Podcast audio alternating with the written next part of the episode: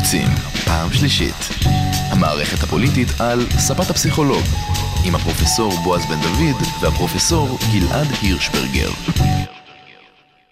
טוב, עכשיו זה ממש פרידה, זה החלק השלישי והאחרון של התוכנית האחרונה שלנו לפני הבחירות מועד ג', מקווים שבזה סיימנו.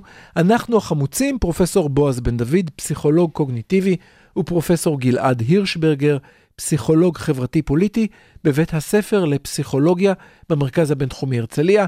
עונה שלישית, מערכת בחירות 2020, התחלנו אי שם, מי זוכר מתי, אנחנו כמעט תכף שנה על האוויר, מנתחים את הבחירות מזוויות פסיכולוגיות, קצת מקטרים, קצת רבים. שילחו לנו אימייל, ספרו לנו מה אתם חושבים. המוזים.idc@gmail.com, חפשו אותנו בפודקאסט, יש לנו הרבה הרבה פודקאסטים ישנים, פשוט שימו בגוגל החמוצים או בספוטיפיי ו iTunes. ביום הבחירות אנחנו נעשה תוכנית live פרידה מהבחירות, אנחנו מקווים הפעם. לגמרי פרידה, אם אתה אפשר. אתה מקווה, אני בכלל לא מקווה. אנחנו- אני מתחיל ליהנות כאן דווקא. עכשיו סוף סוף התחלת ליהנות?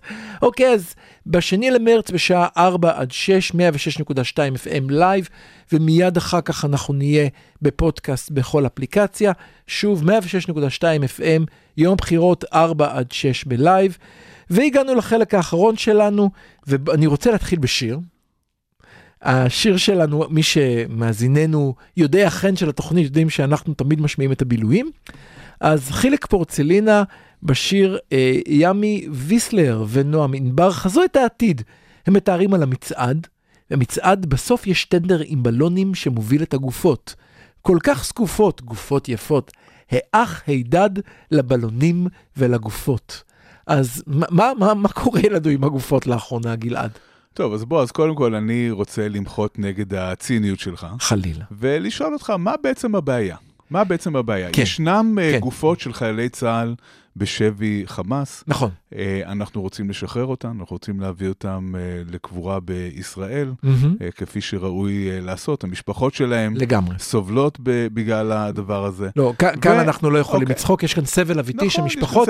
שאנחנו שלחנו את בניהם למלחמה. מה הבעיה במה שקרה עם בנט והדחפור והגופה וכל הסיפור הזה? מה הבעיה? אני שואל אותך, באמת. אני, אני אגיד לך מה הבעיה, בעיניי, אבל, אבל אה, אולי כאן, זה זווית שלי. גיליתי היום שזה בעיקר הזווית שלי, שיש הרבה אנשים שלא חושבים כמוני, קצת התבאסתי. אני חושב שיש טעם לפגם, אוקיי, אני אעשה את עצמי מחדש. אחד הדברים שאנחנו מקדמים גם כל הזמן, אה, זה העובדה שאנחנו רוצים לשמור על פער מוסרי בינינו לבין אויבינו. לבוא ולהגיד שאנחנו כאן מהרבה מאוד סיבות, אבל גם מאחורינו נמצא הטיעון המוסרי. אנחנו באמת צבא שנלחם בנסיבות בלתי אפשריות, אבל מנסה לשמור על איזשהו יתרון מוסרי, על עקרונות מוסריים. אני חושב שתמונה של חייל, מיטב בנינו אם תרצה, מחזיק, נוסע בדחפור, שמרים בכף שלו גופה, שיש tag of wars, מלחמת משיחות, בינינו לבין הפלסטינים בעזה על גופה, ממסמסת קצת את הטיעון שלנו כנגד זאת חמאס. הבעיה, הטיעון שלנו? אני חושב שזה מעבר לטיעון, אבל, אבל אני חושב בוא שיש נשאל שאלה קצת יותר עמוקה. אתה לא נותן לי. טוב, נו, לך על זה. נשאל שאלה קצת יותר לא עמוקה. אמרת לי שיהיה מבחן. בשביל מה צריך מוסר במלחמה בין שני יריבים כמו ישראל והפלסטינים? מדוע אנחנו צריכים להתנהג בצורה מוסרית? האם זה רק עניין של אסתטיקה? האם לא, לא, זה לא רק עניין. האם זה רק עניין של אה, איזושהי התנשאות מוסרית שלנו, של להגיד שאנחנו יותר מוסריים? אני לא חושב שזו התנסות מוסרית, אני חושב שזה באמת חלק מה, מהצידוק, חלק מהריזון דטרה, חלק מהדבר שאיתו אתה שולח חיילים. אפשר לשלוח חיילים בשתי אפשרויות. האחת היא כמו אותו נאום של אותו מח"ט שלא נזכיר את שמו, שאמר אנחנו נוסעים, עכשיו נכנסים לעזה בשביל לפאר את שם השם ולהילחם באלה שמנאצים את שמו, והשנייה להגיד אנחנו יוצאים למלחמה כי אנחנו צודקים, כי אנחנו מגינים על ביתנו ואנחנו מתנהגים בצורה אחרת. אלה שתי דרכים לגיטימיות לשלוח ילדים בני 18 למלחמה. ואני חושב שהשנייה המוסרית כן, אבל מתמסמסת לה. הטיעון השני, אה, גם בלי הדחפור, אתה לא היית מקבל אותו לגמרי, נכון? היית אומר שכל המאבק מול עזה, יש בו איזושהי בעיה של אה, צדקת הדרך, גם בלי הסיפור של הדחפור והגופה, נכון? אז מה בעצם הבעיה עם הדחפור והגופה? למה זה כל כך צורם? מה מפריע פה? נו, אז תפתיע אותי. אני, אני מודה שלי הכי בבטן לראות אותנו מחזיקים גופה על דחפור, זה, זה מהפך בטן. כן, אז זה, אני זה חושב, אוטומטית אני, עושה לי... אז גר. יש כאן בעיה של אסתטיקה, ללא ספק. זה לא אסתטיקה, לא, זה לא אסתטיקה. זה לדעת שזה, אה, זה, אתה, אתה אומר במלחמה עושים דברים של מלחמה, זה נכון. אבל כשמראים אותם, זה קצת כמו פרשת 300. אנשים אמרו, אם לא היו רואים את אותה תמונה מפורסמת ההיא, לא היה קורה כלום. אבל מרגע שראו אותה, היה חייבים לחקור. אתה מבין מה אני מתכוון? כן. מרגע שכולנו רואים את זה בסלון בערב, אז אנחנו צריכים להגיד עד כאן. אני חושב שיש כאן, יש כאן אה, שתי שאלות שהן חשובות. שאלה אחת שהיא חשובה היא שאלת הזהות שלנו, של מי אנחנו. כן? אוקיי. כש, כאשר אנחנו מתנהגים בצורה כזאת לגופה של אה, פלסטיני, זה לא רק, לא רק מדובר בכיצד אנחנו מתייחסים לגופה של אה, חלל של הצד השני, אוקיי. אלא מי אנחנו, איזה סוג של בני אדם אנחנו? אנחנו. אוקיי. זה, זה נוגע לשאלת הזהות הישראלית-יהודית. אוקיי. האם אנחנו אנשים שלפחות מנסים לעמוד באיזה שהן אמות מידה מוסריות אה, גבוהות יותר? האם אה, יש לנו איזשהו כבוד בסיסי כלפי כל אדם באשר הוא אדם, גם אם הוא פשע וגם אם אה, אה, הוא עסק ניסה בטרור? להרוג אותי דקה וגם קודם. אם הוא ניסה להרוג אותי דקה קודם. זה נוגע ממש ל- אה, לעניין שדומה מאוד, זה דומה מאוד לעניין של אלאור עזריה מהבחינה הזאת. אבל יש כאן עוד נקודה, וזאת שאלה מאוד מעניינת של מדוע אנחנו צריכים בכלל להתנהג בצורה מוסרית כלפי אויב. אם אוקיי. נחשוב קצת על הפסיכולוגיה של המוסר, ועל כל ההיסטוריה של המוסר, מוסר זה בעצם מערכת של חוקים שנוצרה כדי להסדיר יחסים בין בני אדם. כן? למה יש התנהגות אה, מוסרית? מאיפה זה התפתח? יש אנשים. שחושבים שההתנהגות המוסרית זה בעצם איזשהו משהו שהדת הביאה לנו, שהאל הביא לנו. אה, אני לא מסכים עם זה, ורבים אה, כמותי לא מסכימים עם זה. אני חושב שיש כאן אבולוציה חברתית שהובילה לכך שהיינו חייבים לפתח חוקים מוסריים בשביל להצליח בשביל- להתפתח כתרבות. בשביל לחיות בין מיליוני בני אדם כמונו. זאת כן. אומרת שאם ניקח כל אה, מטרופול... כל אה, עיר, כל כרך שבו מיליוני אנשים חיים... אה, הרבה לפני עיר וכרך, כאשר יש לך קבוצת אה, בני אדם הקדמון שנמצאים ביחד במערה, בשביל שלא יטרפו אחד את במערה השני. זה יותר קל. במערה למה? זה יותר קל בגלל שאז יש אה, קשרי דם בין האנשים האלה, הבנתי. ויש אה, סיבות אה, אבולוציוניות גנטיות ששומרות על אז יחסים. זה מתחיל. להשתנות ברגע שהפכנו אבל לכפר? ברגע, ברגע שאנחנו הופכים להיות, זה אפילו כפר הוא גם uh, קשור. אוקיי. לשני, ברגע שאנחנו הופכים להיות קבוצה יותר גדולה של אנשים שונים. שצריכים לחיות ביחד, ואתה צריך להיות בטוח שגם אם לא תנעל את הבית עם 100 מנעולים, לא יפרצו לך הביתה. אוקיי. ואתה צריך להיות בטוח שאם תסתובב ברחוב לא ירצחו אותך. ואתה צריך להיות בטוח שאם תשלח את הילדים שלך לחוגים או לבית ספר, הם מהמם. יהיו uh, בטוחים. חוקי המוסר נועדו כדי להבטיח את ההתנהלות השוטפת של החברה. אז ככה הפרק ואז- השני שלנו מתחבר לפרק הזה, אחרי שהקורונה תהרוג את כולנו, כולם יסתובבו ברחובות וידקרו אחד את השני. אוקיי. כן, שוב, אה, דיברנו. על הדבר של קאמי, כן, כן, זה מאוד מזכיר. אם, אה, אה, אם זאת הסיבה שאנחנו מתנהגים בצורה מוסרית, נשאלת השאלה, מדוע אנחנו צריכים להתנהג בצורה מוסרית כלפי קבוצה אחרת? ובאמת, כשמסתכלים על התפיסה המוסרית של חברות קדומות יותר, המוסר חל רק כלפי חברי אותה קבוצה.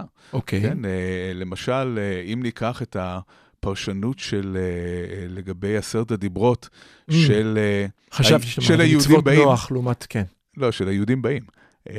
ביהודים באים, יש שם איזשהו קטע שבו אומרים, כתוב לא תרצח, חוץ מאת הגרגשים, האדומים, הכנענים. כן? זאת אומרת שהמוסר חל רק על בני אותה קבוצה ולא על בני קבוצות אה, אחרות. מהמם. היום אנחנו חיים בעולם שבו אנחנו מתחילים לצפות להתנהגות מוסרית גם כלפי קבוצות אחרות.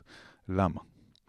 כי העולם שאנחנו חיים בו היום הוא עולם שבו אנחנו לפחות מקווים שבעתיד נוכל לנהל איזה שהם יחסים נורמליים עם הקבוצות שאנחנו נמצאים איתן ביריבות. אוקיי. כאשר אנחנו מתייחסים בצורה כזאת לגופה של אדם מהצד השני, שיש לו אימא, שיש לו ילדים אולי, שיש. לו אחים ואחיות, אנחנו, אנחנו מכניסים רעל לתוך המערכת, שבמוקדם במאוחר כמובן יחזור אלינו. לא ניתן לתאר אפילו אה, כיצד אנחנו נרגיש אם אה, חמאס יתנהגו לגופות של ישראלים כמו שאנחנו התנהגנו. אבל זה לא רק הזאת. רע, סליחה, זה לא רק רע לקבוצה האחרת, אני חושב שאנחנו עושים רע לעצמנו. וכאן אני רוצה לצטט, אני דיברתי על שני כן, הדברים, גם כן, על כן. העניין של הזהות שלנו בדיוק. וגם על עניין הסדרת היחסים עם הצד אבל השני. ברגע שאנחנו, אני, אני שמעתי היום בתוכנית המילה האחרונה, שיושבים בה שני אנשי ימין, ושניהם אמרו, מה, למה כל יפי הנפש מתלוננים על זה? אני, הם אמרו, ראיתי את התמונה, זה עשה לי אוטומטית כבש בבטן, עצרתי את עצמי מיד, כי אני יודע שזה מחבל, וזה מגיע לו, והעצירה הזאת האוטומטית היא חשובה בשביל לנצח. זאת אומרת, הם אומרים, טוב שראיתם את זה, בשביל שתדעו שככה צריך להתאכזר לאחר. אני חושב, רע שראיתם את זה, כי מרגע שראיתם את זה, נרמלתם את סוג האלימות הזאת, נכון. את סוג ההשפלה הזאת, וזה נכון כלפי האויב, נכון כלפי אומרת, חבר. זאת אומרת, מה ההיגיון בעצם של, ה, אה, של אותם אנשים שאתה שמעת? הם אומרים, מדובר כאן בהרתעה מאוד קשה. כאשר הפלסטינים יראו מה אנחנו עושים עם אה, גופת המחבל, זה יזעזע אותם וירתיע אותם, כמובן שזה עובד ממש, בדיוק הפוך. ברור. מה, ש, מה שיקרה ברבות הזמן, זה שגם היחס אל אה, שבויים שלנו ואל גופות של חיילינו, יהיה אותו היחס, ואנחנו כמובן נזדעזע עמוקות מיחס כזה, ובצדק. ובצדק נזדעזע. בצדק לגמרי. אבל אנחנו צריכים להזדעזע בשני הצדדים ולא לעצור, ואני במיוחד... אנחנו צריכים להבין את החשיבות של התנהגות מוסרית גם בשעת מאבק מאוד קשה עם צד אחר.